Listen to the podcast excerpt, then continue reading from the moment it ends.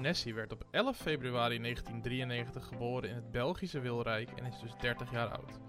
Nessie begon in 2016 met streamen op Twitch en speelde veelal League of Legends, maar maakt tegenwoordig diverse content door games als Genshin Impact en Just Dance te streamen. Daarnaast gaat ze ook wel eens op pad voor een IRL-stream en is ze buiten de streams heel veel bezig met cosplay. Ook heeft Nessie sinds enige tijd een eigen podcast opgezet, waarin ze met een gast over medische onderwerpen praat. Maar wie is Nessie nou eigenlijk achter de schermen? En wat heeft ze allemaal meegemaakt in haar leven? Daar komen we hopelijk de komende 60 minuten achter. Dit is open, eerlijk en persoonlijk. Dit is het spreekuur met Nessie.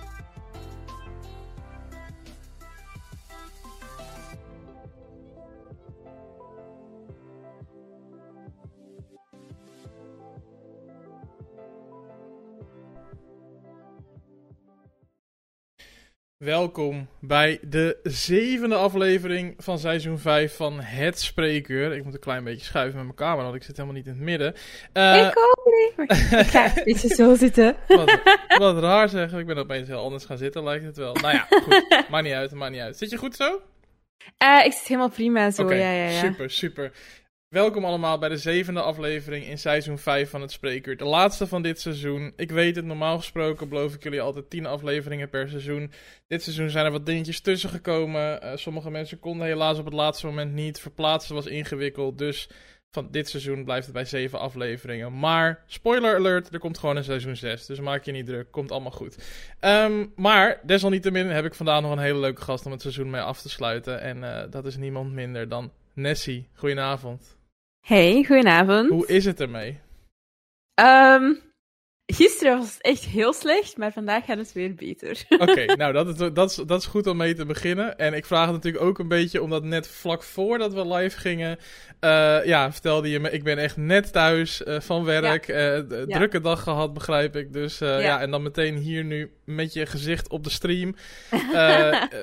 ja, moet, moet ook vermoeiend zijn, maar het is maar een uurtje. Dus we zijn er zo, ja, komt goed, we zijn er zo goed. doorheen. Hey, voor iedereen die nu voor het eerst luistert of voor het eerst kijkt, super leuk dat je er bent. Ook als je er niet voor het eerst bent natuurlijk. Maar ik ga een klein beetje uitleggen wat we gaan doen. Uh, het Spreekuur is de 1 op 1 podcast van Nederland. Waarbij ik 60 minuten in gesprek ga met mijn gast. Om zoveel mogelijk over die persoon te weten te komen. En vandaag is dat dus Nessie. Um, vind je het nou leuk? Uh, luister zeker natuurlijk deze aflevering af. Maar check ook alle 41. Nou, niet allemaal vooruit, hè. Maar in ieder geval, er zijn 41 vorige afleveringen. Dus als je niks te doen hebt, luister ze lekker terug. Kijk ze terug op YouTube of luister op Spotify. En uh, geef ook zeker even een review. Tussen de 1 en de 5 sterren, dat helpt mij enorm. Dan hebben we dat in ieder geval weer even gehad. Dan gaan we de klok gewoon starten. En dan gaan we lekker 60 minuten kletsen. Ja, klok. och, och, de klok. Nou, echt. Kip, nou. komt goed. Voor, er zijn twee dingen over de klok, Nessie. En ik denk dat alle 41 mijn vorige gasten dat kunnen bevestigen. Ten eerste, hij gaat sneller dan je denkt. Ja, ja. En aan het einde hebben we altijd tijd tekort. Dat is eigenlijk Ja, standaard. zeker, Dus, uh, zeker. dus uh, nou ja, goed. Je maakt zelf ook een podcast, dus je weet hoe dat kan gaan. Ja. Hey, uh, Nessie, um, geboren in Wilrijk.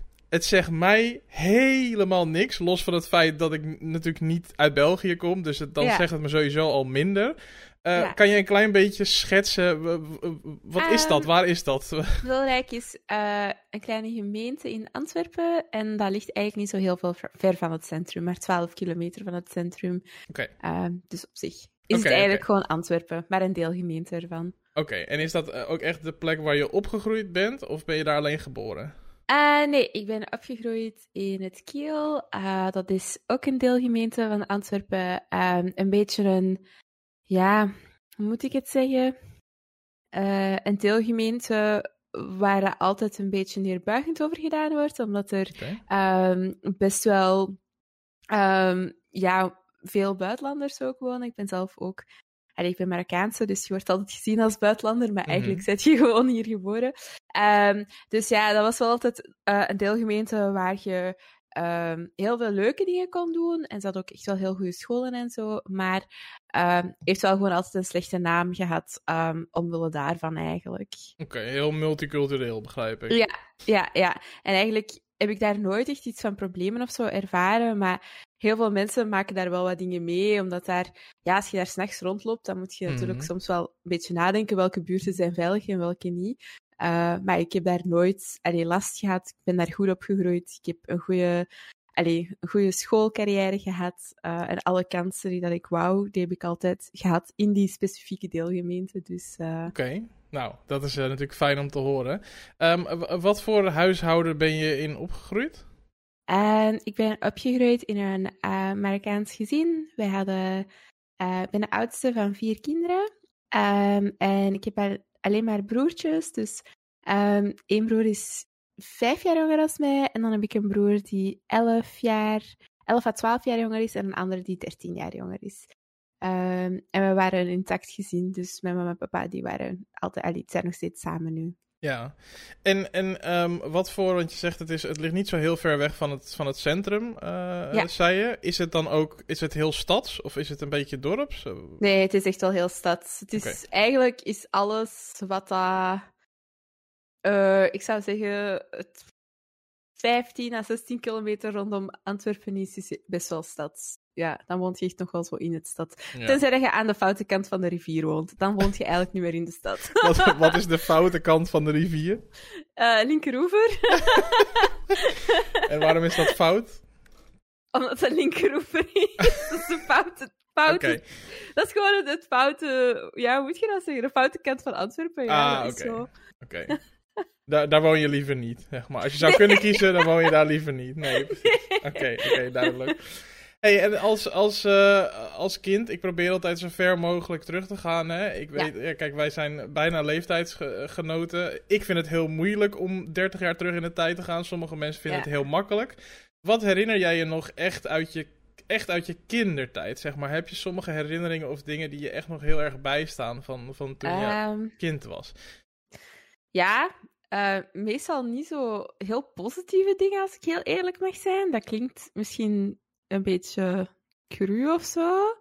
Ik herinner mij veel dingen die mij geraakt hebben of zo als kind. Maar zo, ja, ik denk qua positieve herinneringen, dan uh, was het voor mij altijd uh, donderdagen. Donderdagen waren altijd leuk, omdat papa dan thuis was van het werk. Dan had hij een dag vrij. En dan waren meestal de dagen waarop het thuis iets rustiger was. Um, en dat vond ik altijd heel fijn om dan dingen met papa of zo te gaan doen. Um, en qua echt hele vroege herinneringen of zo, vind ik heel moeilijk, omdat ik gewoon denk dat ik heel veel van mijn kindertijd ben vergeten of zo. Omdat ik redelijk snel moest opgroeien en redelijk mm-hmm. snel voor anderen moest zorgen, dat ik eigenlijk het echt kind zijn of zo, daar nooit echt van heb kunnen genieten. Mm-hmm. Of zo. Ja, ik kan, ik kan het niet goed uitleggen, maar ik denk dat dat, dat het wel voor een groot deel is. Oké. Okay. Nou ja, goed, dat, dat, dat, dat, nou ja, dat uitleggen, dat, we komen er vanzelf stapje voor stapje denk ik wel een beetje bij terecht natuurlijk, waarom dat zo ja. is en waarom dat zo gelopen is. Mm. Um, en, en was je, kan je nog wel een beetje herinneren, was je, was je een kind dat veel buiten was? Zat je juist veel binnen? Was je, was je speelgoedkind? Nee. Wat, wat, Ik, was, ik was wel een kind, ik heb altijd heel veel fantasie. Um, en zelfs echt nog als oud kind. Ik, ik weet echt nog dat we zo op postklasse gingen en zo. En dat ik zo deed alsof ik een of andere prinses was en dat er een prins mij ging redden ergens of zo. dus ik had altijd een hele grote fantasie, maar dat kwam altijd vanuit een droom van ooit zal het beter worden of zo. En um, dus dat was wel een heel groot ding. Ik, ik had ook wel veel speelgoed en zo, dus ik, mm. ik speelde daar ook wel veel mee. Maar ik was voornamelijk een kind dat binnengehouden werd. Dus zo echt buiten spelen, dat deden we niet echt. Omdat natuurlijk de, ja, mama had altijd zoiets van, ja, de buurt is niet veilig en je bent een meisje, dus wat gaat je buiten doen? Dus ja, ik mocht dan nooit buiten spelen of zo, maar mijn broertjes, die mochten dat dan bijvoorbeeld wel. Mm -hmm. Maar ik moet wel zeggen, ik denk toen ik echt, echt heel jong was en toen de buurt nog veilig was, uh, toen mocht het weer toen mocht het dan wel. En dan ging ik wel veel buiten spelen. Maar het is echt zo'n moment, zo'n kantelpunt, denk ik rond acht of negen jaar, dat, dat zo plots allemaal niet meer mocht. En dat, ik weet nog dat ik dat heel moeilijk vond, omdat ik dat heel graag deed. Ik ging gewoon heel graag buiten spelen met mijn broer of, of met mensen uit, allee, uit de buurt. Mm -hmm. Maar dan plots mocht dat niet meer. En dan ja, had je zo geen contact meer met andere mensen. Want ik werd best wel hard gepest op school en ik had op school ook niet echt vrienden. Dus je raakt al heel snel, allee, heel snel word je wel heel alleen. Mhm. Ja. En ja, dat is zo wel iets dat ik me, dat ik wel nog herinner. Ja, dat is ook best wel een, een verschil dan, zeg maar. Als je eh, Mhm. dat een paar jaar wel gehad hebt, het buitenspelen en Mhm. het met, met andere kinderen omgaan. En, en het Mhm. wordt opeens een soort van stopgezet. Mm. Ehm, maar weet je nog, had het met iets specifieks te maken? Was er dan iets gebeurd dat je ouders zeiden van... Oh, wacht even, misschien toch maar niet? Of- Ehm, ik denk dat het een paar dingen waren. Ik denk, ehm, sorry, ik denk het feit dat ik een meisje was en dat je dan ouder wordt, dat mijn ouders vanuit hun traditionele kijk op het leven zoiets hadden van, ah ja, maar je bent een meisje en je moet niet de hele tijd buiten hangen, want dan gaat je een slechte naam krijgen. Mhm. En alleen slechte mensen hangen buiten. Dus, ehm, en goede meisjes die zitten binnen en die helpen hun mama en dit en dat. Ehm, dus dat was heel vaak een beetje het uitgangspunt. Ehm, en dat is later eigenlijk alleen maar erger en erger geworden. Dus ja, op latere leeftijd kon ik niet eens naar, naar de stad gaan of zo met vriendinnen. Allee, dat, begon echt, dat was wel echt heel extreem. Mhm. Ehm, waarin ik eigenlijk gewoon een beetje in een soort van gouden kooi of zo zat. Ja. Dus ik vond, ik vond altijd heel moeilijk, omdat ik dat nooit begreep van waarom mocht ik dat toen wel en nu niet, want er is toch niks veranderd. Mhm. Maar in hun ogen was er wel iets veranderd, omdat je eigenlijk als meisje ja, groter werd en daardoor dus ja, dat dat gevaarlijker was of zo. Ja. 100% begrijpelijk dat het op dat moment natuurlijk super vervelend was. Dat zal je ongetwijfeld ook wel eh, hier en daar eh, Mhm. hebben laten weten ehm, thuis. Ehm, eh, of niet? Of wa- wa- wa- was je eigenlijk het type Ehm, dat daar wat over zei? Of onderging je Nee, het? ik was, ik was best wel het type dat, dat gewoon luisterde. Voor heel lang in mijn leven heb ik altijd naar mijn ouders geluisterd, maar ik heb mij altijd van, echt, van binnen afgevraagd waarom dat, waarom. En ehm, ja, ik denk als kind, eh, maar ook als jonge adolescent, heb ik gewoon heel vaak dat gedrag gerationaliseerd en ehm, in mijn eigen gezegd van als ik dit doe of als ik dat doe, dan gaan mama en papa mij liever zien of dan gaan die mij leuker vinden of zo. En ehm, dat kwam zomaar niet. Zo die, die appreciatie, dat bleef zo maar... Allee, er bleven maar dingen zijn van... Mhm. Ah, maar dat moet beter of, of dat moet anders. Of ehm, hieraan moet je nog werken. En het was zo nooit perfect. Het was altijd als ik iets gedaan had waarvan ik dacht, ah, nu gaan ze het oké vinden, dan was er altijd toch nog iets anders. En Mhm. Ehm, ik denk dat je gewoon op een bepaald punt komt waarbij dat je zegt van oké, nu is het gewoon klaar. Ik, ik heb die capaciteit niet meer van jullie te pleasen, want de meer dat ik please, de minder goed dat ik ben. Terwijl mijn broers waren juist helemaal, ja, was 360 graden van waar ik was. Ik was altijd de ja-knikker en ik deed gewoon wat er gevraagd werd. Maar mijn broers zeiden gewoon letterlijk in het gezicht van mijn ouders van nee, dat ga ik echt niet doen. Wie denkt je wel niet dat je zijt? En dan deden die gewoon wat dat die wouden doen. En dan waren er zo geen consequenties voor hun. Maar als ik dat ook maar zou durven denken, Mhm. dan, dan was het wel... Allee, ik, ik heb altijd wel heel hard het gevoel gehad dat, er, dat ik wel heel veel consequenties kreeg. En mijn broers eigenlijk totaal niet. En dat was wel... Dat, ik denk dat dat heel moeilijk geweest is voor mij. En dat dat maakt dat ik op een punt ben gekomen waar het mij nu eigenlijk ook niet meer zo heel veel boeit. Ja. Of zo. Ja. Ehm, op een gegeven moment natuurlijk ook een periode dat je naar school gaat. Je net al heel Ja. eventjes tussendoor vallen. Eh, basisschool. Hoe, hoe kijk je terug op je basisschooltijd? Ehm, op mijn basisschooltijd, ik was een kind, ik was heel onzeker van mezelf. Ik wou heel graag dat mensen mij leuk vonden. En ik merk dat ik dat nu nog steeds heb. Ik, ik wil heel graag leuk gevonden worden. Eh, maar dat lukte zo gelijk niet, omdat mijn persoonlijkheid... Ja, ik was echt zo een beetje een bedweter en een beetje een bazige. En ja, als je een bedweter bent, niemand vindt dat leuk, dat is niet cool. Ik was ook slim. Allee, slim. Ik, ik, ik las graag, ik, ik zat in de bibliotheek. Ja, weet je, dan word je daarmee gepest van, oh, ga lees boeken, jij bent niet cool. En ehm, ja, ja dat, dat, dat was ook zo. ja, Dus zo gaat dat. veel- Ja. en, en ik was ook niet op mijn mondje gevallen, omdat ik thuis nooit iets kon terugzeggen. Durfde ik dat bijvoorbeeld wel oh, op school. Dan durfde ik wel te zeggen van... oh, dit is wat ik, wat ik erover denk, omdat ik wist dat op school die consequenties niet zo erg gingen zijn als thuis. Mhm. Ehm, en dat maakt gewoon dat ik heel veel conflicten heb gehad met leerlingen, omdat ja, ik, als ik gewoon vond dat iets niet oké was, dan zei ik dat ook gewoon. En dat botste wel heel hard. Dus ehm, ik herinner me nog jij goed in het vijfde leerjaar, dan was ik ongeveer elf of zo, eh, had ik de beslissing gemaakt van oké, jullie kunnen allemaal de pot op, het interesseert mij niet meer. ik ga met niemand meer praten en jullie moeten mij helemaal niet leuk vinden. Dus toen, wij dat dan zo, de stille hoek heette dat dan. Dat was dan een plek in de cafetaria, daar kon je dan in zitten en dan kon je boeken lezen. Dus dat is gewoon wat ik deed. Ik ging naar de stilhoek, ik las boeken, ik had geen conflicten meer met mensen, ik ging naar de, naar de klas, ik deed mijn dingen en dan was ik weg. En dan weet ik nog dat de leerkracht in mijn rapport had geschreven dat ik um, conflictvermijdend ben en dat ik niet in staat ben om conflicten op te lossen. Maar dan dacht ik, ja, ik vermijd ze, omdat ik raak gewoon telkens in conflict met mensen en, en, en, en dat lukt mij niet om, om ja, om daar op een andere manier mee om te gaan. Maar Mhm. later, als je dan groter wordt en ouder Mhm. wordt, dan snap je eigenlijk dat dat gewoon komt omdat in je opvoeding heb je nooit leren omgaan met conflicten, omdat er, er werd gewoon altijd geroepen of geslagen of er werd iets gedaan. Mhm. En uiteindelijk werd je altijd de persoon die bijdraaide of die zich moest verontschuldigen. Dus er was, er, er was mij gewoon nooit geleerd van als je het niet eens bent met iemand, dan moet je gaan zitten en dan moet je praten over het probleem, praten over hoe dat je voelt of hoe een situatie je, allee, je heeft doen voelen en het daar dan over hebben. Dat is iets dat ik nooit heb geleerd. Dus nu snap ik van, ah ja, dat is daarom dat ik dus zoveel problemen had met conflicten, omdat ik dat gewoon nooit heb geleerd dat ik daar deftig mee moet omgaan. Ja. Ehm, dus ja, mijn basisschool was wel. Ik, allee, het is ook niet dat ik zo totaal geen vrienden had, maar het was echt heel raar. Het was zo. Mensen die zo wat pestgedrag vertoonden, maar dan zo toch zo soms vriendelijk waren of zo. Mhm. Ik weet niet, kinderen zijn gewoon echt raar.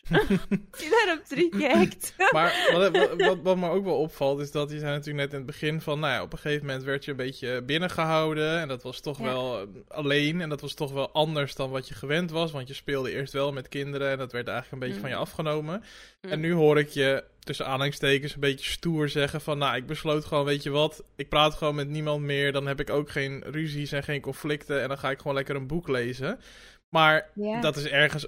Dat, dat is wel een, een, een. Dat is ook alleen, zeg maar, toch? Dat is wel. Dus dan, dan was je op school en dan had je eigenlijk een soort van. Dat was bijna je enige kans, als ik het goed begrijp, om dan met andere kinderen om te gaan. En dan kies je om op die plek Ja. ook nog eens niet met die kinderen om te gaan. Is dat dan niet. Maar ik denk ook, gewoon voor een groot stuk kwam dat ook door... Bijvoorbeeld bepaalde conflicten kwamen ook door het feit dat ik dingen niet mocht doen. Mhm. Bijvoorbeeld op een verjaardagsfeestje of zo. Dat was altijd een probleem. En ik durfde dat nooit te zeggen. Dus dan zei ik altijd van, ja, ja, ik ga komen, ik ga komen. Oh ja. Maar dan kwam ik niet, bijvoorbeeld. Hè? En dan waren ze boos. Maar ja, dan, kon ik, dan durfde ik ook niet te zeggen van, ah, ik mocht niet van mama of zo. Mhm. Ehm, en ik herinner me nog één specifieke situatie. En als ik daar nu op terugkijk, dan denk ik echt: oh my god, dit is zo, dit is echt zo erg. Ik herinner me nog een specifieke situatie. Ik weet zelfs nog wie zijn verjaardagfeestje het was. En ehm, ik zei tegen, hè, ik mocht dan gaan. Ik heb daar weken om gesmeekt. En ik mocht dan uiteindelijk gaan. En dat was een semi-populair meisje ehm, in onze klas. Ehm, en ik wist dat ze graag zo een Barbie-pop wou. En dat was zo'n Barbie-pop. En dan had hij zo van die, ja, van die dingen in haar haar zitten. Zoiets speciaals. Dus we zijn dan die Barbie-pop gaan kopen. Als cadeautje. En ik, weet, ik wist toen van mezelf dat ik die eigenlijk ook heel graag voor mezelf wou. Maar ik had zoiets van, ja, weet je, het is een cadeautje voor mijn vriendin. En mama zei toen tegen mij, als je, als je die Barbiepop wilt, ja, dan krijg je die van mij, maar dan ga je wel niet naar het feestje. En Wauw. op dat moment, je zei dan, wat, ja, tien of zo, dan besef je niet hoe manipulatief dat, dat eigenlijk is. Mhm. En dan denk je zo, ah, mama wil mij de Barbiepop geven. Ik, ik denk dat ik toch voor het feestje heb gekozen. Ehm, maar ja, dat maakt wel gewoon dat, dat je soms, ja, als je daar dan zo op terugkijkt, dan denk je wel, dat is eigenlijk echt wel super slecht geweest. Ja. Wauw. Wat, eh, ja. Wat heftig eigenlijk. Zeg maar Ja, inderdaad op die leeftijd en zo. Je bent natuurlijk best wel... eh, eh, ja, je, je, je neigt snel naar... Als je iets heel graag wil, zo'n pop of iets van speelgoed of zo. Voor een kind is dat natuurlijk iets heel groots. Ja. Ehm, Ja, dat is wel, uh, wel een, flinke, flinke keuze die je dan zeg maar moet maken. Ja, en dan, dan denk ik, allee, ik denk daar dan nu heel vaak aan terug. En dan denk ik, allee, ik werk nu ook veel met kinderen. En dan denk ik, hoe kun je zoiets zeggen tegen een allee, ik snap dat niet zo goed. ik, Mhm. ik merk dat ik daar nu nog heel hard tegen, tegen, tegenaan stoot. Dat ik zo denk van, snap, allee, hoe, hoe kan dat nu dat je zo, zo, zoiets zegt? Allee, dat, dat, dat is nu maar een heel klein ding. Hè. Dit is echt, dit is, dit is, dit is like het minste ergste dat er ooit gebeurd is. maar, maar gewoon die kleine specifieke situatie, dan denk je eigenlijk al, allee, het leukste voor dat kind is dat hij naar een feestje mag gaan, dat hij daarmee met haar vrienden is. Je weet dan dat hij niet zoveel vrienden heeft. En om dan ja, te zeggen, hier is een pop waar je misschien twee maanden mee gaat spelen, ja, dat is, dat is gewoon niet oké. Ja. En ehm, dat is zeg maar een beetje het sociale aspect. Je zei net al van, eh, je, je, je deed graag aan lezen. Je zei zelf ook al dat je slim was, maar dat, dat, daar schrok je zelf een beetje van dat je dat zei. Maar ging het je op school dan ook makkelijk af?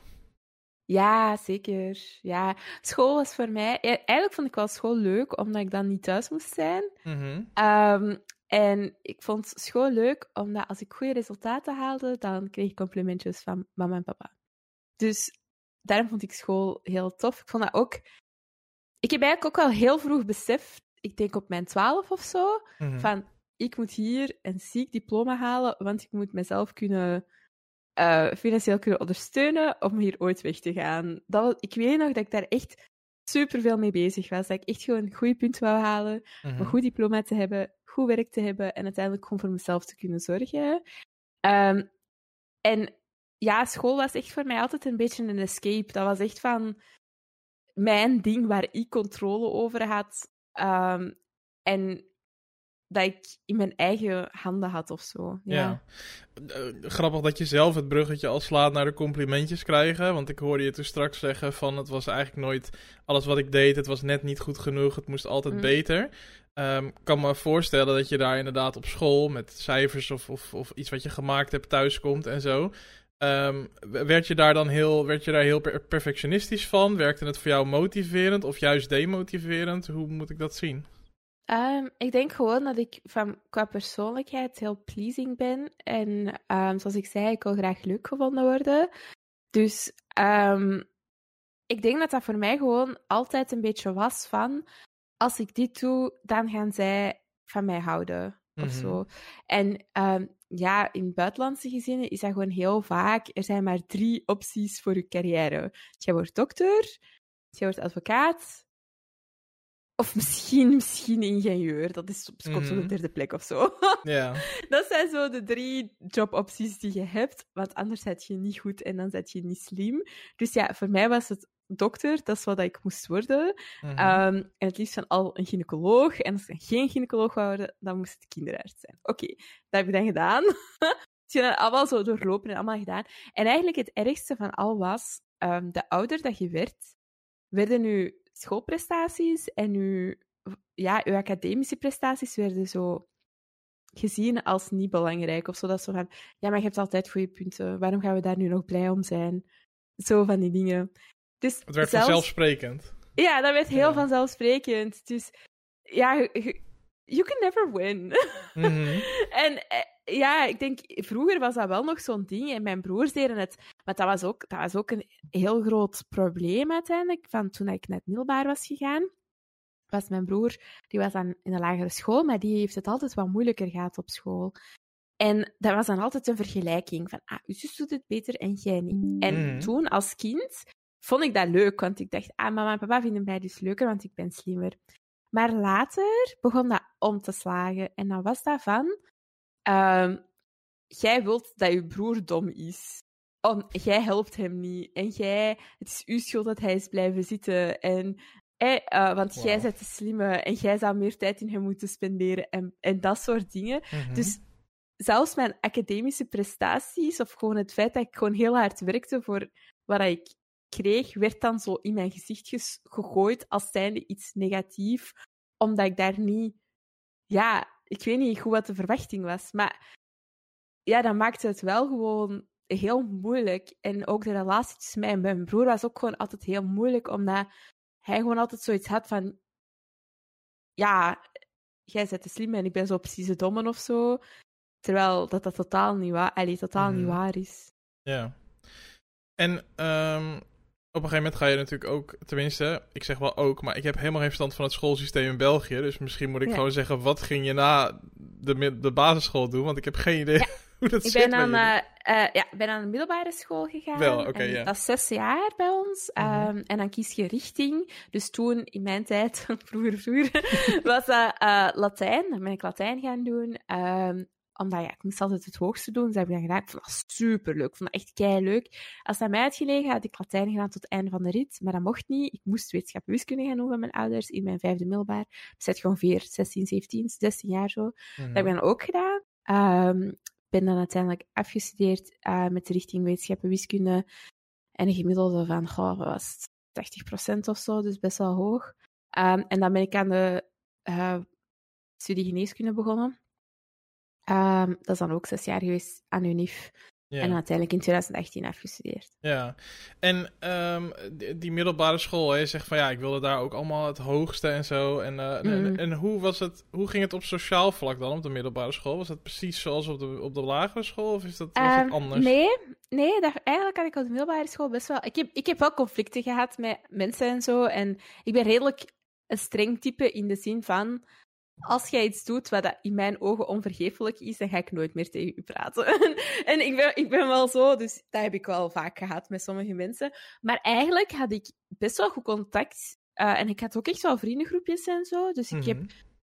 ik ben in het middelbaar eigenlijk nooit echt alleen of zo op de speelplaats geweest. Maar het was gewoon heel moeilijk voor mij om diepere connecties te maken met mensen, omdat je na school nooit kon afspreken. Ja, Dus iedereen ging altijd na school, weet ik veel, naar de cinema. Of misschien nog ergens eh, iets gaan drinken. Of iets gaan eten samen. Of naar, naar de stad in het weekend.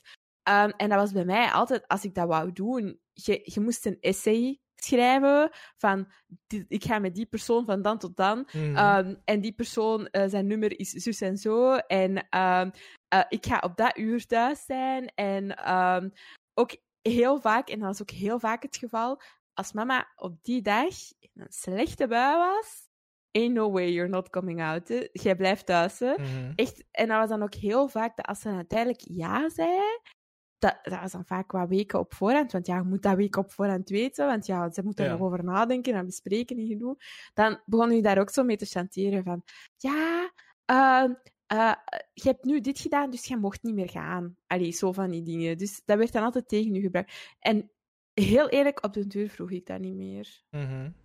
dan dacht ik, dan verzon ik altijd een smoes. En ja, als je nooit meegaat met mensen, dan vergeten die je uiteindelijk. Hè. Dan is dat van, ja, Nessie gaat toch nooit mee, waarom zouden die vragen? En dat wekte dan heel veel frustratie bij mij op en heel veel verdriet ook, omdat ik altijd dacht van, oh, ik word niet uitgenodigd. Of je kon er eens mee, mee meepraten. En uiteindelijk zorgt dat er ook voor dat je een beetje afzondert, omdat je zoiets hebt van, ja, wat heeft het zin om vrienden te maken als je, ja, als je toch weet dat die nooit zo close met je gaan zijn? Ja, en eh, dit is natuurlijk in een periode, eh, dit is natuurlijk eh, ultieme puberteit, hè, middelbare school. Eh, was dat dan wel een periode waarin je, eh, want op jongere leeftijd kan ik me voorstellen dat je zegt, nou ik ging er eigenlijk niet tegen in. Ehm, maar is het zo dat je op de middelbare school eh, wel de discussie aanging? Of, of bleef het eigenlijk gewoon, je bleef het gewoon ondergaan zoals het was? Nee, ik heb, ehm, ik heb, ik heb ooit, ehm, was ik op school, denk ik in het eerste of tweede middelbaar, een keer uitgevlogen tegen een meisje. En ehm, ik ben toen bij het CLB geroepen, dat is zo het Centrum voor Leerlingenbegeleiding. Die kijken altijd zo'n beetje van, ah, wat zijn hier de problemen? En dan gaan die het probleem oplossen. Mhm. En toen had ik zo wat dingen over thuis gezegd en zo, dat het eigenlijk allemaal niet liep en dat ik me heel alleen voelde en dat ik best wel vaak het gevoel had dat ja, mama altijd boos was op mij en zo en dat ik dat altijd de gevolgen ervan moest dragen. Ehm, en dat ik vond dat de verantwoordelijkheid die op mij gelegd werd, want ja, toen ik in middelbaar zat, had, had ik twee kleine broertjes. Hè. Eentje was dan pas geboren en de andere was dan één jaar. En als mama ging werken, dan, ja, dan moest ik daarvoor zorgen. Hè. Dan waren die bij mij. Dus tijdens de hele examenperiode of zo, dan waren die kinderen ook gewoon bij mij, weet je. Mhm. En eh, ik had dat dan gezegd dat ik dat zwaar vond. En dan hadden ze mijn mama gebeld. Om een gesprek aan te gaan. Oh. En dat was, eh, dat was niet zo'n succes. Laat ik zeggen dat dat een paar zwarte dagen in mijn leven waren. Uh, en uh, dat was echt van, als je daar ooit nog iets over zegt, eh, dan, Mhm. dan is het je een beste dag niet, bla bla bla, gedoe. Um, Maar nu, hoe, maar, die- sorry dat ik je onderbreek hoor, Ja. maar je zegt eh, eh, dat waren geen leuke dagen zeg maar. Maar Nee. hoe moeten we dat voor ons zien dan? Wat, wat, hoe ging dat dan? Wat... Ehm, dus mama, als zij boos werd op mij, was zij altijd... Dat was altijd schelden. Eh, echt heel lelijke dingen zeggen. Van, eh, dat, kan, dat kon gaan van, jij bent een ezel, tot... ehm, ik wou dat je versteend was in mijn baarmoeder en dat ik je nooit had gehad. Dus echt heel heftige dingen. Ehm, tot, ehm, ja, slagen soms ook wel. En dan kwam er vaak een fase van gewoon negeren. Mhm. Dat hij niks tegen je zei, dat, dat hij deed alsof dat je niet bestond. Soms weken aan een stuk. Totdat hij zoiets had van, oké, ik heb je genoeg gestraft. En dan deed hij zo se- semi-lief, zo. En dan deed hij eigenlijk gewoon terug normaal. Wauw. Om dan zo terug in een cirkel te vallen, later opnieuw. Ja. Ja, ik kan me voorstellen dat dit inderdaad wel, eh, wel pittige, pittige tijden dan zijn geweest. Maar kan je nog terug naar... Kijk, want nu, we praten er nu over natuurlijk. We praten nu over 15 Mhm. jaar geleden. Maar kan je Mhm. nog terug naar de Nessie van toen en hoe je je er zeg maar toen bij voelde? Was het voor jou normaal dat het zo ging? Of, of had je ook wel zoiets van, dit klopt niet helemaal? Of dit is niet... Ehm, ik, ik was denk ik tot mijn 18 ervan overtuigd dat iedereen dit meemaakte en dat dat normaal was. En ehm, ik had wel altijd heel veel verdriet. Dus Mhm. ik heb ehm, heel veel. Ik weet dat ik gewoon altijd heel veel verdriet had en dat ik me altijd heel alleen en onbegrepen voelde. Ik durfde dat ook niet tegen mensen te zeggen, omdat ik, omdat ik ook niet wou dat mensen zoiets hadden van: oh, garme Nessie, weet je? En Oh ja. eigenlijk wou ik gewoon hulp. Ik wou gewoon dat iemand mij uit die situatie haalde. Of ik wou gewoon dat mama gewoon zoiets had van... Ah ja, oké, wij, wij, zijn- wij houden van u, we zijn trots op u. Het is, het is oké, het is, het is, het is oké. Maar dat, dat kreeg je zo nooit. En ja, dat, dat waren wel tijden waar ik helemaal niet zo ter- terug naar kijk en zeg van... Wauw, in mijn jonge jaren of zo. Absolu absoluut niet eigenlijk. Zelfs tegenovergestelde. Ja, kan ik me voorstellen. Hey, en ehm, los van naar school gaan en eh, het niet eh, af kunnen spreken met vrienden, dus ook veel thuis zijn.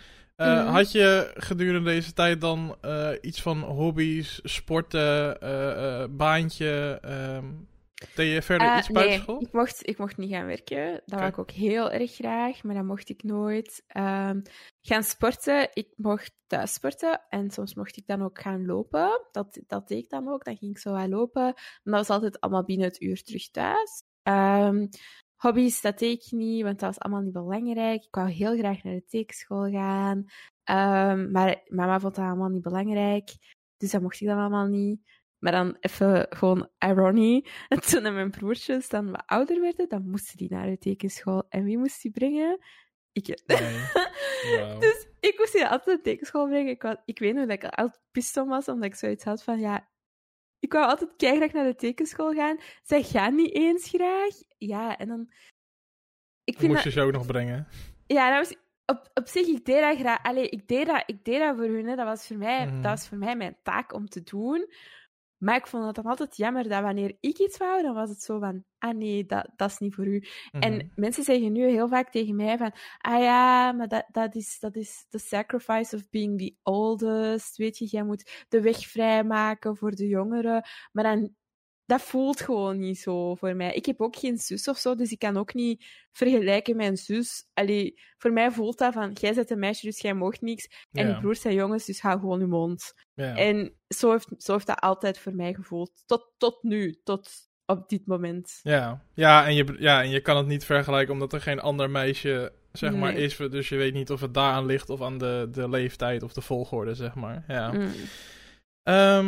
D- hey, eh, je vertelde net van dat je uiteindelijk eh, geneeskunde eh, bent gaan doen, hè? Ehm, waar, waar, waar komt die interesse zo vandaan? Want je noemde net een rijtje op van dingen die je moest worden. Een van die, die dingen.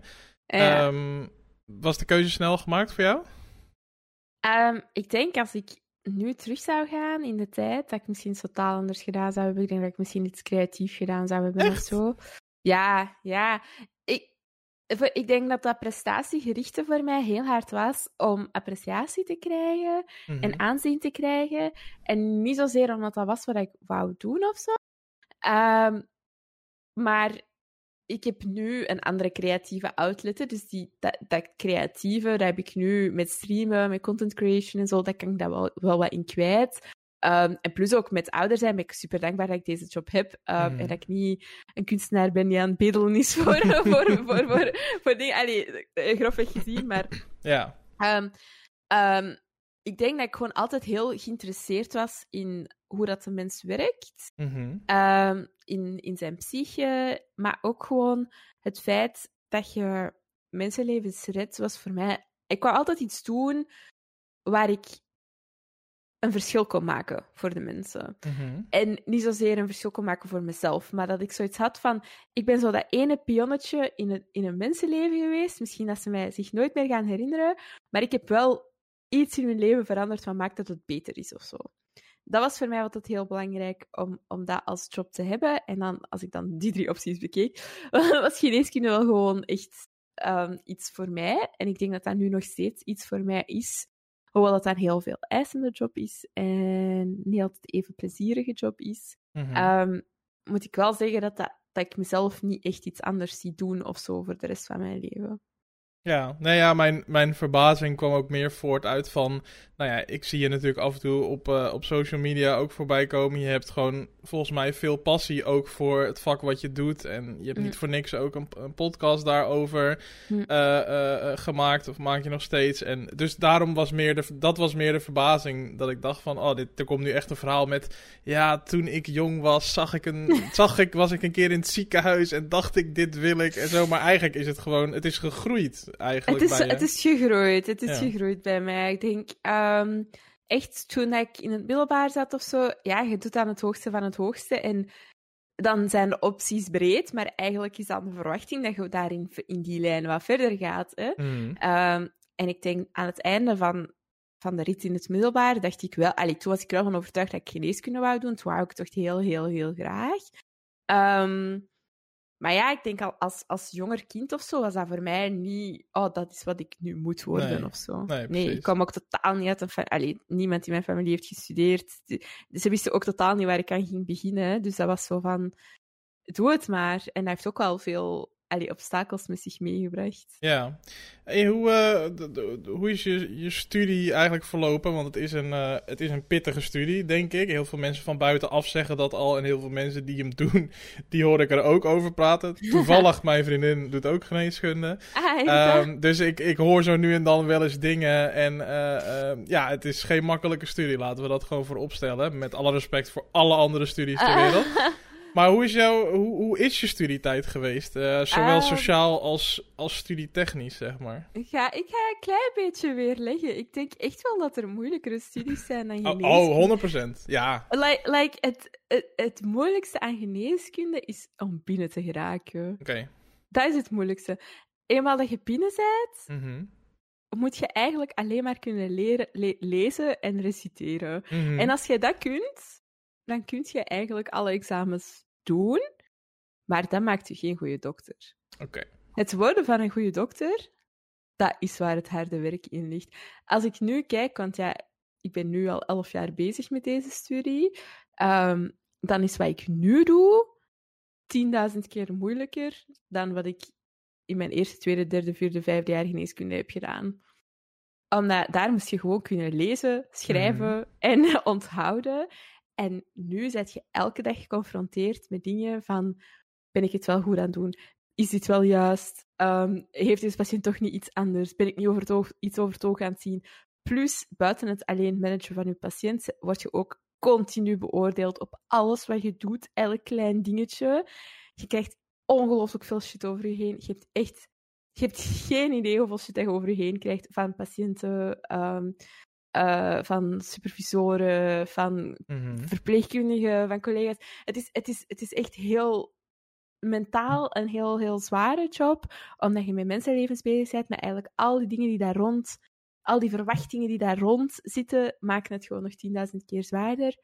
Plus, uw werkschema is eigenlijk gewoon absurd. In België werkt je gemiddeld 60, allee, officieel maximaal 60 uur per week, maar dat is bijna nooit zo. Mhm. Als je kijkt naar mijn werkschema van, van deze week, heb ik zondag een 12 uur dienst gedaan, maandag een 12 uur dienst gedaan, gisteren en vandaag gewoon gaan werken, 10 uur. En dan morgen, dus vanaf morgen tot en met zondag, ook allemaal 12 uur in de nacht. En dan kun je gaan optellen hoe lang dat je in het ziekenhuis zit. Wauw. En dat is gewoon, dat is, als je daar objectief naar gaat kijken, is dat gewoon niet normaal dat je zoveel moet werken Mhm. en op een hoog niveau moet blijven functioneren. Ja. Dus het moeilijkste aan de studie geneeskunde is wanneer je klaar bent. Nou, ik zal het doorgeven. dat zal ze... Dat, dat, Zeer mooie woorden dat, zal ze, dat zal ze leuk vinden, ja. Nee, maar tuurlijk, en tuurlijk, weet je wel. Ik bedoel, tuurlijk, er zijn altijd moeilijkere dingen. En voor iedereen is, is Ja. alles anders. En eh, eh, weet Ja, je, ja. ik ben er niet om daar een ranking of zo in te maken. Nee, maar, nee, nee, nee. maar het lijkt mij, laat ik zo zeggen, als buitenstaander, lijkt het mij super ingewikkeld om van alles. Eh, Om, om het hele lichaam, zeg maar, om dat allemaal te snappen. En ziektes en weet ik veel wat allemaal. Dat, dat leek mij in ieder geval altijd heel ingewikkeld. Ja, ja. Ehm, het, het- trouwens, heel even, het- gewoon even heel kort. Want wat, voor iedereen die niet weet wat jij nu doet, wat is specifiek nu eh, wat jij nu doet? Ja, ik, eh, ik ben nu een resident in de kindergeneeskunde. Dat wil zeggen dat ik een opleiding doe tot kinderarts. Dus in 20 2018 ben ik afgestudeerd als algemene arts. Mhm. Eh, en je moet, je moet sowieso een specialisatie doen. Dus ik heb dan gekozen voor kindergeneeskunde. Dat is vijf jaar extra. Ehm, en ik zit nu in mijn vijfde jaar. Dus in oktober ben ik afgestudeerd en dan ben ik officieel kinderarts. En dan kun je dus nog kiezen of je nog iets verder doet of gewoon zegt, oké, het is klaar, ik zal wel kindjes zien, het is oké. ja, het is oké zo. Ja, het is prima. Ja, precies. Ja. Hey, en, ehm, want je, je noemde nu net, zeg maar, de, de- specifiek de werkuren in België, zei je. Ehm, Mhm. Je woont nu in België, Ja. toch? Maar je hebt ook in Nederland gewoond. Ja, ja, wereld van verschil. Het is veel beter in Nederland. Eh, ja, dat is, Kom, dat is kom. zo. Ne- Nederland is awesome. Ehm, als het gaat over CAO eh, en ehm, werken als artsassistent, is dat gewoon... Dat is- Mhm. ja, die staan gewoon... ik denk dat die 25 jaar verder staan of zo. Dat is echt... Je kunt aan 80% werken als je wilt. Je kunt parttime werken als je wilt. Het is eigenlijk bijna de norm dat je aan 90% werkt in Mhm. Nederland. In België bestaat dat niet eens. Ehm, in België, als je als artsassistent werkt, heb jij eh, geen recht op pensioenopbouw, je hebt geen ehm, sociale zekerheid. Dus als ik bijvoorbeeld zonder werk of zo kom te staan, dan krijg ik ook geen werkloosheidsuitkering of, of dergelijke. Dus je hebt eigenlijk gewoon ja, totaal geen recht in de maatschappij. Als Mhm. zijnde, ja, terwijl je eigenlijk gewoon werknemer bent. Ehm, en in Nederland is dat wel een heel groot stuk anders. Dus Ja. ja, ook qua werk en zo. Ik heb in Nederland misschien werkweken gehad van 40 uur of zo. Ja. ja, dat is En ik heb bizar veel geleerd. Ja. ja. ja, Hey, Ja. en ehm, eh, de- hoe lang ben je in Nederland geweest? Een jaar. Een Een jaar. Ja. Ehm, weg van huis. Oh, ja. in, een, eh, in, in een andere omgeving, toch? Of ben je, niet, ben je niet in je eentje naar Nederland gekomen? Ja, ja, ja. Ja, ja, ik, ehm, dat was, eigenlijk was dat in mijn eerste jaar stond ik in een ziekenhuis in Antwerpen. Dat was eigenlijk een heel leuk ziekenhuis, maar de laatste drie maanden waren heel zwaar, omdat eh, we stonden normaal gezien met drie artsassistenten, maar er zijn er dan twee vervroegd weggegaan, wat maakte dat ik gewoon het werk van drie alleen deed. En dat was gewoon heel zwaar. En in de zomer, ja, het was gewoon, het was gewoon altijd, als ik aan het werken was, dat ik gebeld werd, bijvoorbeeld door mijn ouders of mijn broers, dat er iets was en dat ik iets moest regelen. Dus ik was eigenlijk tijdens werk eigenlijk veel vaker met hun bezig dan met mijn patiënten. Mhm. En in de zomer was het heel zwaar, want dan zijn mijn ouders op reis gegaan en dan was ik alleen thuis. Ehm, en ik weet nog steeds niet goed wat er gebeurd is, maar eh, mama heeft daar een soort van. Ik noem dat bijna een psychose of zo, ik weet het niet. Die heeft daar iets heel raar gedaan en dat was dan elke dag dat ik aan de telefoon moest oplossen wat er met mama aan de hand was. En dat was gewoon. Ik was gewoon mentaal gesloopt na die Mhm. drie. Ik was gewoon. Ik, ik was gewoon kapot. Dus ik had een mailtje gestuurd naar mijn stagecoördinator en ik zei: Het interesseert me niet waar je me naartoe stuurt, maar het moet minstens van 100 kilometer van mijn huis vandaan. Ik moet hier weg. Ik, ik, ik kan niet meer. Ik- als ik hier nog blijf, dan word ik zot. Mhm. En ehm hadden tegen mij gezegd: Oké, is goed, je mocht naar Den Bosch gaan. En dat was dan 150 kilometer of zo. En dan dacht ik, ja, dit, dit, dit is hem. Want dat kan ik echt niet elke dag pendelen. Ja. Mama had dat wel verwacht dat ik dat deed. Maar eh, Mhm. papa was daar dan zo toch zo van, ah nee, we zullen dat dan maar niet doen. En dat jaar in Nederland, ondanks dat dat in de cor- coronaperiode was, was echt het beste jaar uit mijn leven. Maar echt, echt het beste jaar uit mijn leven. Ik kwam daar, het klikte tussen mij en mijn collega's allemaal. En onze persoonlijkheden sloten heel hard tegen elkaar aan. Ik ben een heel open persoon, ben heel happy en bubbly. En hier in België is het altijd zo van, oké, je bent in- extra, ex- excentriek. Ja, dat- Mhm. echt. Mijn collega heeft dat vandaag tegen mij gezegd. Die zei van, jij bent excentriek en dat maakt gewoon dat mensen vooroordelen over u hebben en u geen kans meer hebben, geven. En dat is effectief zo. Op, op de werkvloer merk ik dat keihard, dat mensen mij geen kans geven, omdat die denken, ah, dat is die zotien. Terwijl ik eigenlijk helemaal niet zo raar ben of zo, maar gewoon... Ik ben gewoon gewoon heel open. En ik, ja, ik ben vrolijk, ik maak mopjes. En allee, ik ben daar wel wat extremer in dan bijvoorbeeld mijn collega's of zo. Mhm, En in Nederland was dat gewoon... Jij kon gewoon jezelf zijn. mhm. Ik had dan uiteindelijk durven zeggen van, ah ja, extreem. En iedereen vond dat geweldig. Was zo, wauw, wat vet cool, man. En ik dacht echt, eh, Eh. oké, That's a first. oké, je vindt mij niet raar. en ja, dat was wel echt een eye Echt, dat was een eye-opener. Mhm. Toen besefte ik voor de eerste keer in mijn leven dat ik iets waard was. En dat ik, dat ik ja, dat, dat, dat wie dat ik was, dat Mhm. dat oké was. En dat mensen mij konden appreciëren voor wie dat ik was en niet voor wie dat ik moest zijn. En dat was voor mij echt een gamechanger. En toen ik dan terug moest gaan naar België, was ik echt... Ik weet dat ik in die periode heel veel paniekaanvallen en zo heb gehad, omdat ik dacht, oh my god, ik ga terug naar... Wat ga ik doen? Hoe ga ik dat doen? Ik, ik, ik kan dat niet. Ik kan niet terug dat... Ik, dat gaat gewoon niet, want ik weet dat ik terug ga hervallen in heel dat proces van pleasen of, of, of gewoon klaar ga zijn voor het gesticht. Dat waren echt de twee, de twee. Ofwel ga ik gewoon voor de rest van mijn leven ongelukkig zijn, ofwel Mhm. ga ik gewoon in het gesticht belanden, want dit, dit, gaat, dit gaat gewoon zo niet meer. Ehm, en dan heb ik de keuze gemaakt van te zeggen tegen mijn ouders van kijk, ehm, ik moet nog een jaar in Nederland blijven. En daarom kan ik niet naar België komen. En dan heb ik daarover gelogen. En ik had dat echt nodig, want ik was daar mentaal nog niet klaar voor om mijn ouders te confronteren met het feit dat ik totaal niet meer bij hun thuis wou Mhm. ja, meer kon, kon blijven. Wauw is misschien een groot woord. Ik denk in een idealische wereld, als, als zij toch tot het besef waren gekomen van oké, misschien moeten we toch wat minder streng zijn, of misschien moeten we toch haar zien als een persoon en niet zomaar als iets wat wij hebben gemaakt en daarom zet jij van ons. Ja, en ik denk dat dat dan wel anders zou zijn geweest. Maar ik wist gewoon dat dat besef er niet, ging, dat dat, dat, dat besef er niet was. Ja, dus toen ben je nog een jaar langer gebleven. Ja. Maar dat jaar ging ook voorbij. En je zit nu En wel, toen heb ik het- wel toen heb ik het gezegd. Ja. Ja. toen heb ik het gezegd. Eh, en eh, dat was grote drama, grote ruzie. Eh, en dat is nu nog steeds niet opgelost. Dus ehm, ik heb nu geen contact meer met mijn ouders, al sinds december. En ook, eh, ja... eh, en dat is beter, denk ik, voor ons allemaal. Maar mm, voor de duidelijkheid, dus zeg maar, je, wo- je- want je woonde gewoon thuis in België. Toen ging je naar Nederland, twee jaar. Toen zei je van, ik, ik kom terug, maar ik kan niet meer bij jullie wonen. Dat, dat heb Ik was, één gezegd. jaar, ik was één jaar in Nederland. Mhm. En dan heb ik gezegd dat ik één jaar in Nederland was. Maar eigenlijk was ik alweer terug in België en had ik hier al iets Oh, gevonden en zo. Maar oh, wisten zij dat niet? Ja. Ah, sorry. Oké, ik begreep Ja. het verkeerd. Ja, oké. Nee, geen probleem. Oké, oké. Dus je was terug in België, maar je zei dat je nog in Nederland was. En toen heb je een jaar daarna heb je Ja, wel gezegd dat je weer terug was. En dan heb ik gezegd van, ja, maar ik kom niet meer thuis wonen.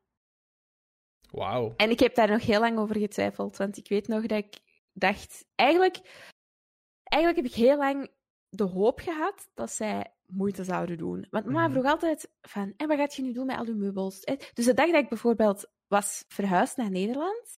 Ehm, ik had een beetje spaargeld en ja, ik had nooit in mijn leven gewerkt. Dus al het geld dat ik in mijn eerste jaar heb verdiend, dat heb ik dan gestoken in ja, kleren en zo opnieuw kopen. Want ja, mijn kleren waren allemaal versleten en die dingen. Dus ja, dan kocht ik nieuwe dingen en dan had ik wat geld opgespaard. En ik had dus al mijn meubeltjes met mijn eigen geld gekocht. En ik was daar kei trots op. Ik dacht, oh my god, kijk, ik heb dat zelf in elkaar gestoken en dit en dat.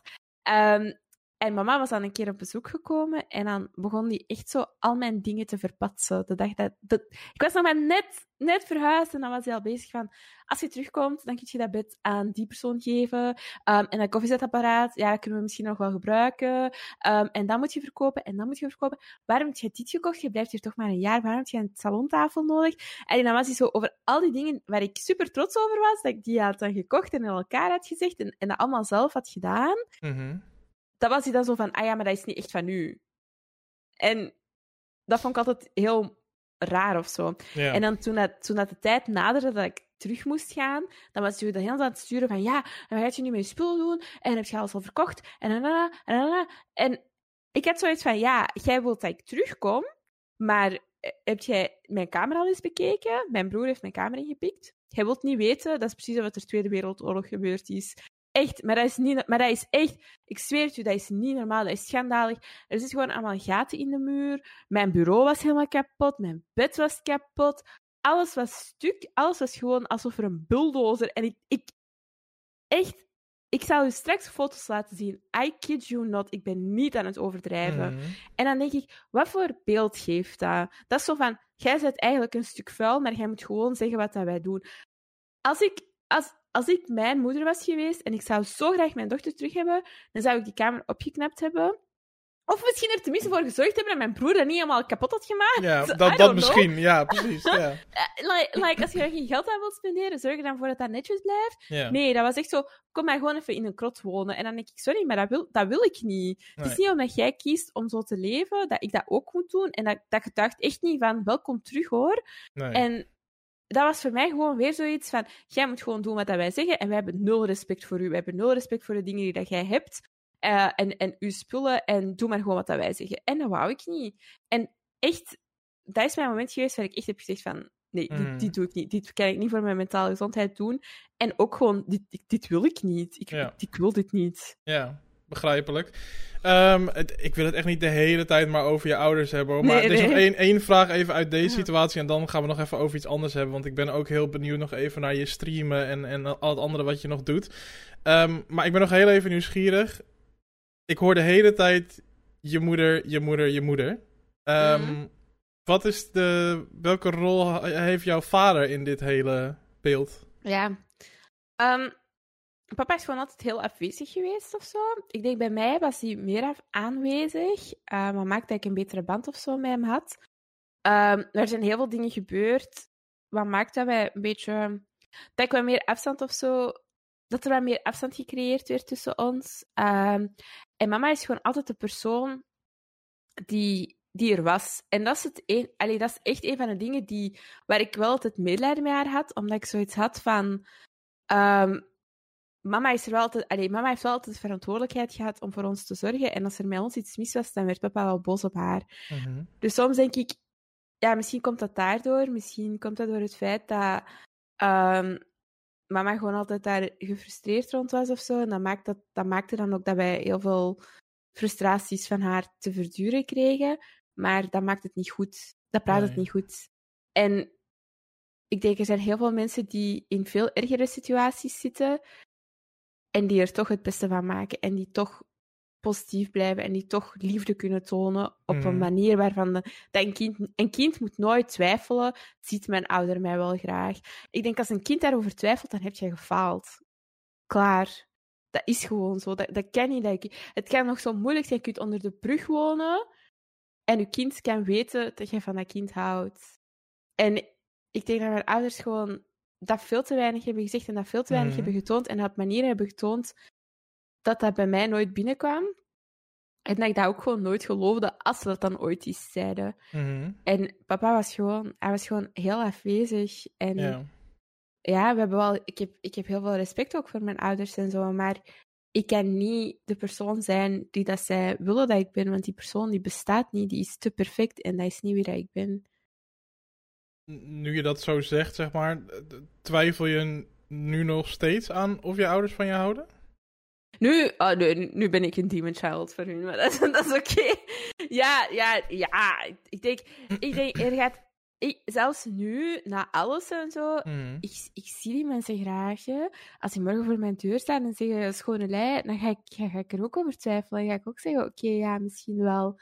Maar ik denk gewoon dat die, dat, dat die, dat die niet gaan veranderen. Mhm. Dat dat gewoon niet gaat. En dat er geen gulden middenweg bestaat om onze levens of zo te verenigen. Ik, ik weet het niet. En ik, ik denk zeker dat die van mij houden, maar die houden van een versie van mij die er niet is. Mhm. Die, die willen dat ik alles opgeef wat ik leuk vind, het streamen en zo, en al die dingen. En gewoon doe wat dat zij zeggen dat ik moet doen. Maar dat, dat gaat niet. Je kunt niet een kind maken en die poetseren en, en slijpen en, en, en, en vormen en, en, en, en kneden hoe dat jij wilt dat dat kind gaat zijn. Dat gaat gewoon niet. En dat hebben die heel hard met mij gedaan. En ik denk dat dat gewoon heeft gemaakt dat ik op een bepaald moment kapot ben gesprongen. Dat dat, dat beeldje, dat dat zo fragiel was, dat, dat dat op een bepaald moment gevallen is en gewoon er niet meer is. Ja. En nu ben je zeg maar op jezelf. Nu, eh, eh, nou ja, wat je al zelf zegt, je bent heel vrolijk, je bent heel bubbly. Eh, dus ik denk dat het je goed heeft gedaan, ook al ben ik natuurlijk niet degene om te oordelen over deze hele situatie. Maar eh, ehm, nou ja, ik denk in ieder geval, ik vind het goed om je zo te zien in ieder geval. en, en dat je er zo over kan praten, want ik denk dat een heleboel mensen het misschien ook ja, minder goed zouden opvangen of er... eh, ehm, ja, in zouden blijven zitten. En ik heb wel het gevoel dat jij eh, voor jezelf in ieder geval een, eh, een, weg, een goede weg in bent geslagen. Ehm, eh, ik denk dat onderdeel daarvan misschien ook wel de content is die je maakt. Want je zei net al, je streamt sowieso natuurlijk. Zo ken ik je ook. Ja. Ehm, Je streamt op Twitch. Ehm, Hoe is dat zo maar opeens begonnen? Ik eh, ben daar een beetje ingerold omdat ik League of Legends ben beginnen spelen. Ik had daar straks gezegd hè, van, dat mijn relatie met mijn broer niet zo super goed was. Mhm. Eh, maar op, op een bepaalde dag ehm zag ik hem zo games spelen. En had ik dan gezegd tegen hem van, oké, wat zit je aan het spelen? Wilde mij dat leren, omdat ik wat meer contact met hem wou of zo.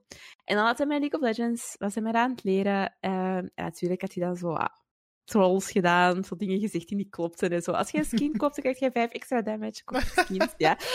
zo, zo van die dingen. Ehm, en eh, dan eigenlijk met League of Legends zijn we dan op beginnen kijken naar LCS. ehm, en zo wat Twitch-streamers leren kennen. En ik dacht, oh, dat ziet er eigenlijk wel heel erg leuk uit. En ik had dan een vriendinnetje ehm, waar ik dan League mee speelde. En die streamde. En terwijl zij streamde, was ik dus met haar aan aan het gamen. Maar ik mocht dus van mijn ouders nooit gamen. Dus wat ik deed, ik, ik zette mijn wekker op 1 uur s'nachts. En dan ging ik met haar gamen. En dan was ik dus aan het fluisteren. Eigenlijk was ik begonnen als ASMR-streamer zonder dat ik het wist. Dus ik was aan het fluisteren en ja, heel hard chat was echt zo... Oh my god, who's the whispering girl? She should stream. Oh, en ja. terwijl het eigenlijk gewoon een dikke fetish was, dacht ik... Ah, ze, ze vinden mij leuk, ik moet gaan streamen. Dus ik heb heel lang s'nachts gestreamd, Mhm. fluisterend, zonder dat ik eigenlijk wist dat ik aan het doen was. en pas later, toen ik dan het, eh, in het hoger onderwijs zat, had ik meer tijd om overdag te streamen. En dan streamde ik bijvoorbeeld als mijn ouders er niet waren. eh, Mhm. En dan deed ik dat zo. En dan moest ik op de kinderen letten. En dan zat ik in de keuken, omdat zij altijd gingen eten. En dan kreeg ik op mijn kop dat de kaas op was. Dus dan ging ik dus in de keuken zitten, streamen met mijn laptop. En altijd echt op de vijf minuten, niet naar de koelkast gaan, niet naar de koelkast gaan. en ja, dat was gewoon heel, heel prettig. En dat was zo een plek waar ik mezelf mocht zijn en waar ik gewoon, ja, games kon spelen, mensen kon leren kennen, met mensen kon praten. Dat, dat, dat sociale dat ik gewoon altijd gemist had, dat Mhm. ging plots. Want ik kon, ik kon nu zeggen, oké, ik ga tot negen uur met u gamen. Of, terwijl ik kon niet tegen vrienden zeggen, ik ga tot negen uur met jullie op stap. Ja, dat Mhm. gaat niet. Dus dat was voor mij wel een beetje een escape en, en, en ja, een moment van zelfexpressie of zo. Ehm, ik, ja, dat vond ik wel gewoon heel tof. En zo ben ik daar wat ingerold. Ja, wat superleuk. Maar je zegt wel van, ik kon dat wel doen, want naar buiten mocht niet, maar dit kon natuurlijk gewoon vanuit huis.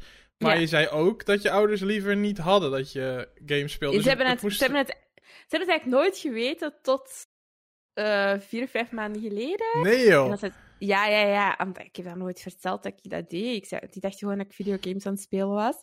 Want ja, hoe gaat je aan je ouders uitleggen die nu eens laten praten met mensen van, ah ja, ik praat eigenlijk tegen random mensen op het internet Oh, wacht die voor, me af en ja, toe geld geven. voor het streamen. Ja, nee, precies. Nee, maar ik Ja. dat ze, ze hebben nooit geweten dat je gamede, maar dat wel, Nee, zeg maar. gamen wel, Ja, gamen wel. Maar, maar het streamen, dat was, dat was een... Ah, ja, dat blijft een moeilijke uitleg. Blijft een moeilijke uitleg. Ja, ja, dus toen ze daar waren achtergekomen, dan was ik de grote slet, want hoe durfde ik?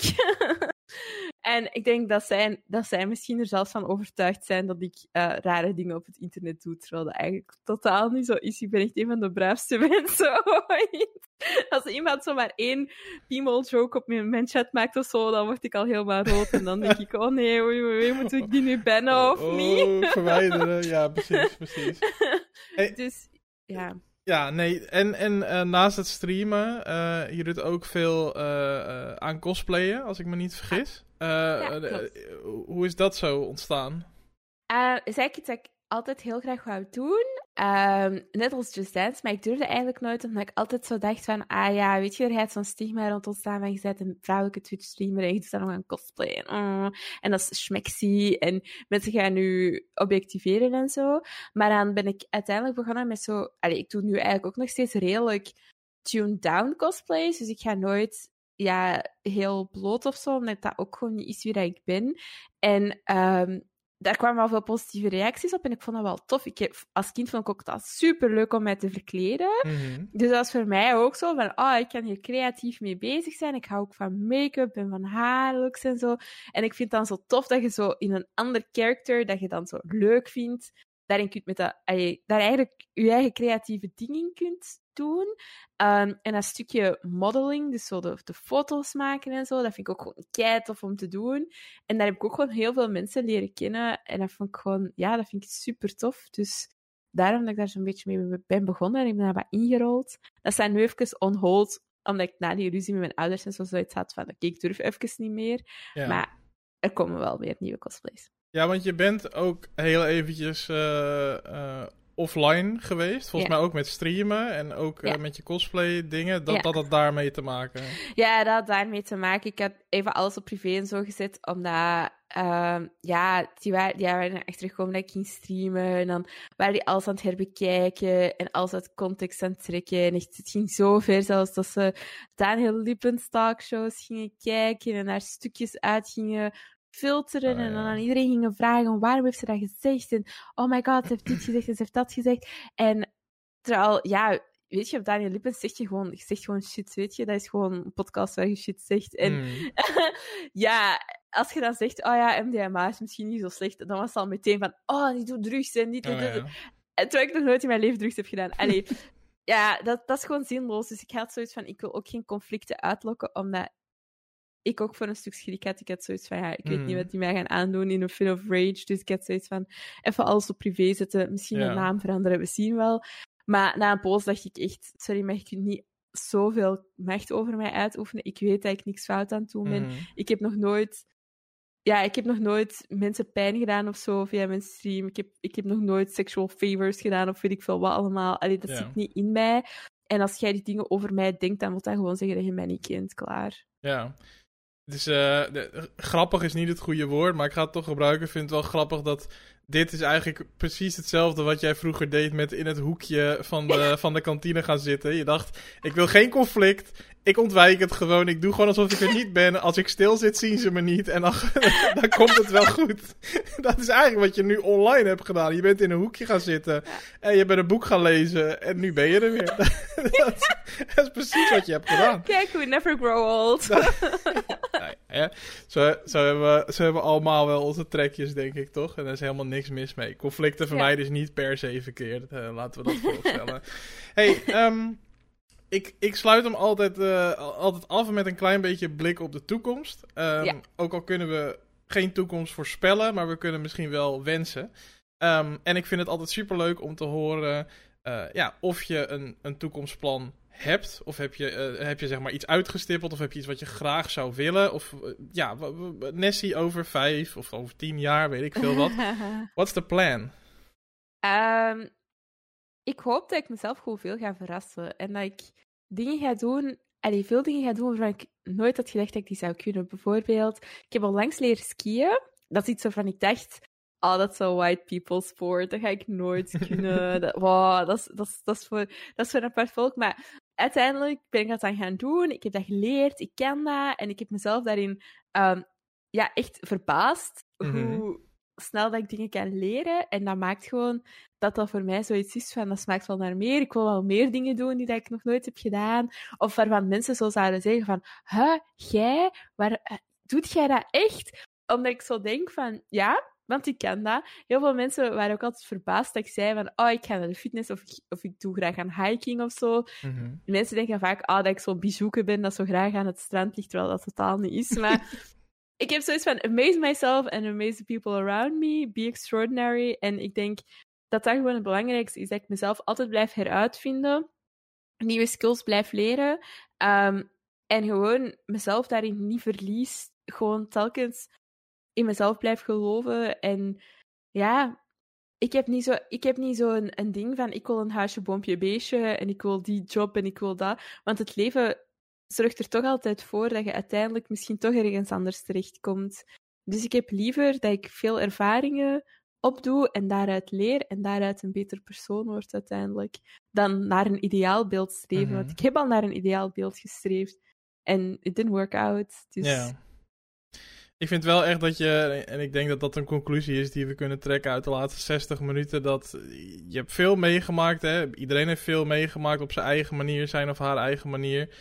Eh, je, hebt, je hebt stressvolle momenten gehad, je hebt eh, verdrietige momenten gehad, maar nou ja, wat ik al zei, als ik, hoe, hoe vergeet ik nou na tien jaar streamen nog steeds of ik die kant of die kant op moet wijzen? Het is ongelooflijk, hè? Ik wilde zeggen, kijk hoe je er nu bij zit, kijk hoe vrolijk je bent, maar nu is het hele punt verpest. Maar ehm, ik wilde gewoon zeggen, nou, dit is gewoon, ik denk dat het super mooi is en dat je dat gewoon moet koesteren en dat het, eh, ehm, eh, nou ja, goed, in zekere zin misschien zelfs wel een voorbeeld kan zijn, misschien van mensen die dit geluisterd hebben en zoiets hebben van, hey, eh, ik heb ook eh, shit meegemaakt, misschien dezelfde shit of misschien andere shit, we maken allemaal dingen mee.